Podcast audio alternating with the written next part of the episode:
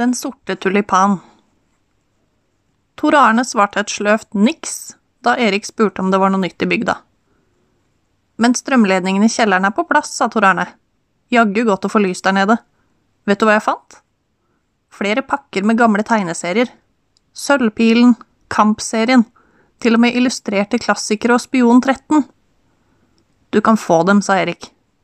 Å, de kan være verdt en del, sa Tor Arne. Nei, sa Erik. Det er bare noe gammelt som har blitt glemt. Kan jeg dra nå? Det finnes omtrent ikke trafikk.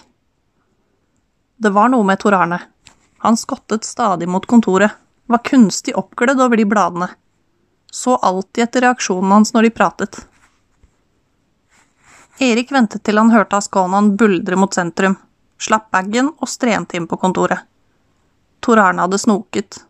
Ja visst. Alle de små fellene han hadde plantet, beviste det. Originalbrosjyren for Opel Commodore lå fortsatt under fakturastabelen, men nå med forsida ned. Ringpermene merket Hydro Texaco hadde byttet plass. Erik steg opp på sofaen for å trekke dem ut da han fikk øye på noe grønt i glipen mellom sitteputa og ryggen. Innpakninga til en kondom. Ja vel? Den kunne ikke være etter ham og Elise, ikke etter så mange år. Dessuten var merket deres utgått. Ingenting under divanen. Bare et støvlag, to bensinfiltre og noen NGK tennplugger. Noe begynte å demre. Han stengte, kjørte til boligfeltet. Plenene rundt ferdighusene sto grønne og nyklipte. Sakte kjørte han inn en stikkvei som han visste ga utsikt til Jøtul. Nedenfor innkjøringa så han Askånan med parklysene tent. Ut passasjerdøra kom Anja Jøtul, dattera i huset. Hun gikk rundt til førersida, bøyde seg ned, ble stående lenge.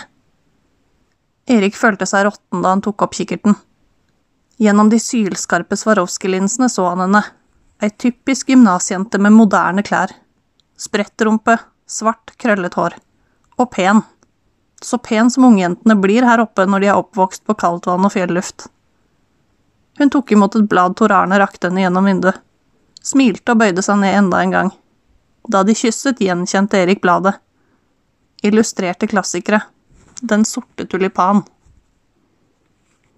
Tor Arne, ropte Erik fra smøregrava. Han fikk ikke svar. Tor Arne, gjentok han, høyere. Ja. Driver du med noe viktig? Leser illustrerte klassikere. Du må hjelpe meg med denne girkassa. Tor Arne heiste seg ned i smøregrava uten å protestere. Kan jeg låne verkstedet i morgen, sa han. Har en ny plan med Askånan. Kanskje, sa Erik. Ta tak og hold mot girkassa så jeg får på plass gummiopphenget. Sier det deg noe? Fy svarte så tungt, sa Tor Arne. Hva mener du? Ikke klag på alt mulig. Jeg skal bare ha på plass denne bolten. Helvete så tregt den går. Så spray på olje istedenfor å klage, sa Tor Arne. Skulle gjort det, sa Erik surt, hvis jeg bare hadde kunnet finne boksen med 556. Den står rett bak deg.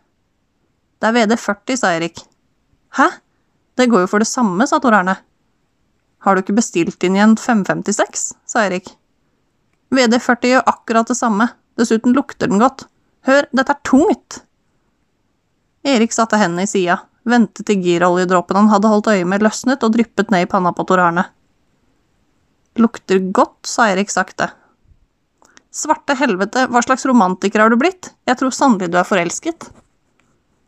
La oss få på plass girkassa, sa Tor. Jeg klarer snart ikke holde lenger. Universalolje skal ikke lukte godt, sa Erik. Dette er et verksted, ikke et jævla parfymeri. Vil du jobbe her, eller vil du ikke? Har du drukket sprit, sa Tor Arne. Jeg klarer ikke å holde lenger. VD40. Piss. Det føles bare ikke Seriøst, hva heter hun? Hvordan har dere to det, da? Hvordan går det med svigerforeldrene? Jeg slipper girkassa i gulvet. Jeg mener det. Hvem holder du egentlig med? ropte Erik. Meg eller Jøtul? Erik hørte noen komme inn i smørhallen. Gjenkjente Snortlunds joggesko ved bakdekket på bilen de drev under. Tor Arne bannet, rev til seg bolten og skjøv den med et krafttak gjennom girkasseopphenget. Etterpå, mens Erik sto bøyd i motorrommet på Tsjaikan, dro Tor Arne mot bussholdeplassen uten å ha spurt om det var greit. Dagen etter hang en treliters sekser i kjettingene under talja på verkstedet. Motorrommet på Askånan gapte tomt. Det lukter VD40 av deg, sa Erik. Er det noe nytt? mumlet Tor Arne. Jeg mener, går det bra med gymnasdamene? Å, sånn, sa Tor Arne. Da jeg drev på med det der, hadde jeg et mål på om damene var vettuge eller ikke. Det slo aldri feil. Nei vel, sa Tor Arne, uinteressert. Om vinteren, hvis de satte seg inn i en bil med kald motor og begynte å mase, sett på varmen! Tor Arne åpnet verktøyskapet. Altså, sa Erik til ryggen hans, de som ikke skjønte at motoren måtte bli varm før varmeapparatet kunne virke, dem var det ikke håp for. Hva er det du vil fram til? De som trodde at det var en jævla vifteovn som satt der, over stereoen. Ja, og så? Jeg mener, gjør gymnasdamene det fortsatt? Spør hun slik, hun som du kjører rundt på? Prøver du ny taktikk nå? sa Tor Arne. Jeg bare lurte. Du er jaggu rar av og til, og ikke har du greie på kvinnfolk. La oss se til å få i denne motoren. Erik slo knokene mot bunnpanna. Den hadde visst sittet i en Monsa som krasjet ved Hundorp. Han hadde sett den hos Grundtvig. Jeg liker ikke dette, sa Erik. Kunne du ikke nøyd deg med turboen? For lite bånddrag, sa Tor Arne og slapp ut kjetting fra talja. Hvis du først begynner, sa Erik, blir det aldri nok bånddrag. La det være, du blir bånddragsnarkoman. Det er da bare en treliter. Ok, litt trimmet, 260 hester, men kom nå igjen, jeg er motivert, la oss få den i. Dørbjella klang i ekspedisjonen. Kommer snart, ropte Tor Arne og rugget motorblokka på plass. Ja ja, sa Erik, 260 hestekrefter, det kommer til å gå som faen. Hei, Erik, sa Harald Jøtul blidt og raslet med et digert nøkkelknippe. Skal du betale en kvart tank diesel, sa Erik. Jøtul smilte, trakk ringen på nøkkelknippet over lillefingeren, snurret det rundt. Tor Arne fiklet med motoren, gjorde ikke miene til å se opp. Jeg er vanligvis en sporty fyr, sa Jøtul, men disse små lekene dine begynner å bli en tanke masete. Du får det maset du fortjener, sa Erik. Det var da svært, sa Jøtul. Hør her. Jeg vet om turene dine til Ringebu. Verneplan 318, vel, vel. Og sånn uten videre altså de dorske ringbyggingene søk landsskytterstevne. Jeg forstår ikke at du vil svikte din egen bygd. Det er heller omvendt. Neimen, sier du det? Jeg prater jo med folk jeg treffer. Hver dag blir jeg overrasket over hvor mange som syns du er en overløper. Men jeg hever meg over det. Og ordninga med Sanitetsforeninga? Ja ja, det er vel ikke første gang du gjør en byttehandel? Jeg har ikke tid til gnål, sa Erik. Vi har en motor som skal monteres. Ikke vær dum. Hvis du vil spille på lag, kan dette ordne seg. Og? Hvis du skal bygge nytt på baksida, har du tenkt å sprenge ut tomta alene? Det virker ikke som han ljuger, tenkte Erik. Han byr meg svart arbeid. Gjelder dette Hercules AB, sa Erik. Jeg jobber i Hercules AB, ja, sa Jøtul. Få høre mer. Nja, sa Jøtul. La oss vente til vi stoler på hverandre. Nå, hva sier du? Big Burden. Mitsubishi Colt. Tora Grøntvik.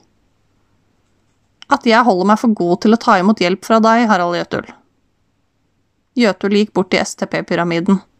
Han så lenge på den, vendte den øverste boksen opp ned. Å, så dydig. Du ble vel så moralsk av å få installert nytt lys i kjelleren? Og den byttehandelen var vel ikke den første?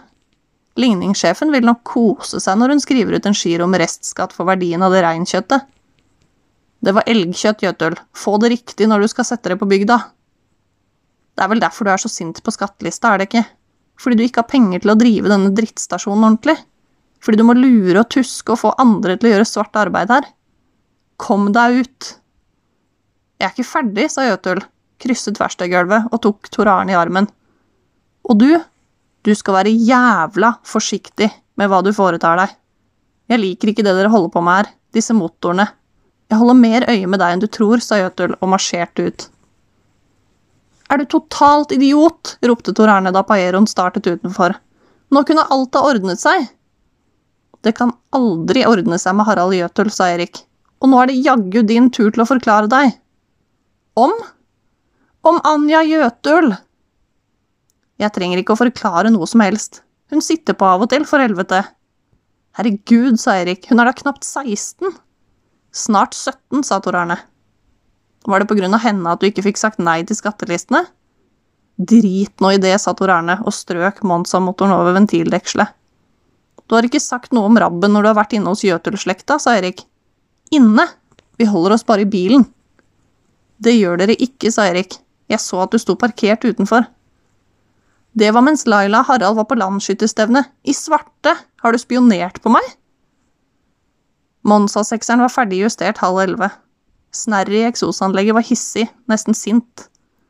Erik likte ikke Asconaen lenger. Turbomotoren hadde vært til å håndtere. Men det var noe egenrådig ved denne treliteren. Noe egenrådig som hadde smittet over på Torarne. Det med Anja kunne være begge deler. Erik hadde hørt om jenter i den alderen.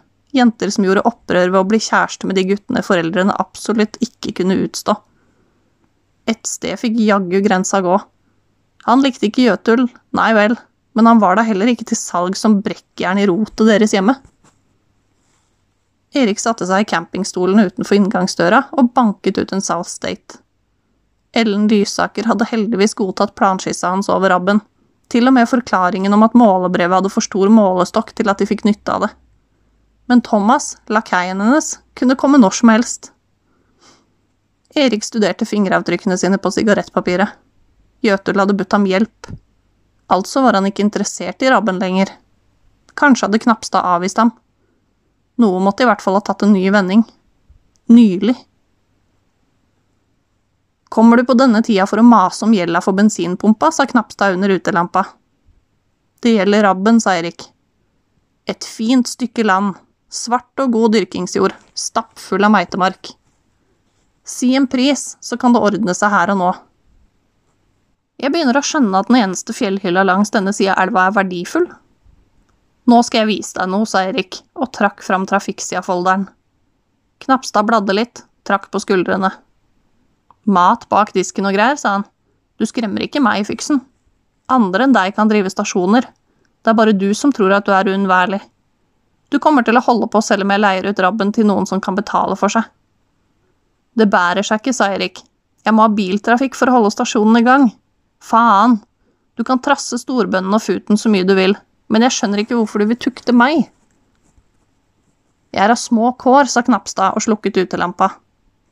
Og nå skal jeg ha min rettmessige andel, bli en førende kapitalist i bygda. I morgen tar jeg rikstelefoner til landets oljeselskaper og spør hva de vil by for rabben. Én telefon til Esso. Én til Norol, nei, Statoil. Det er flere også. Shell, Hydro Texaco. Takk for tipset.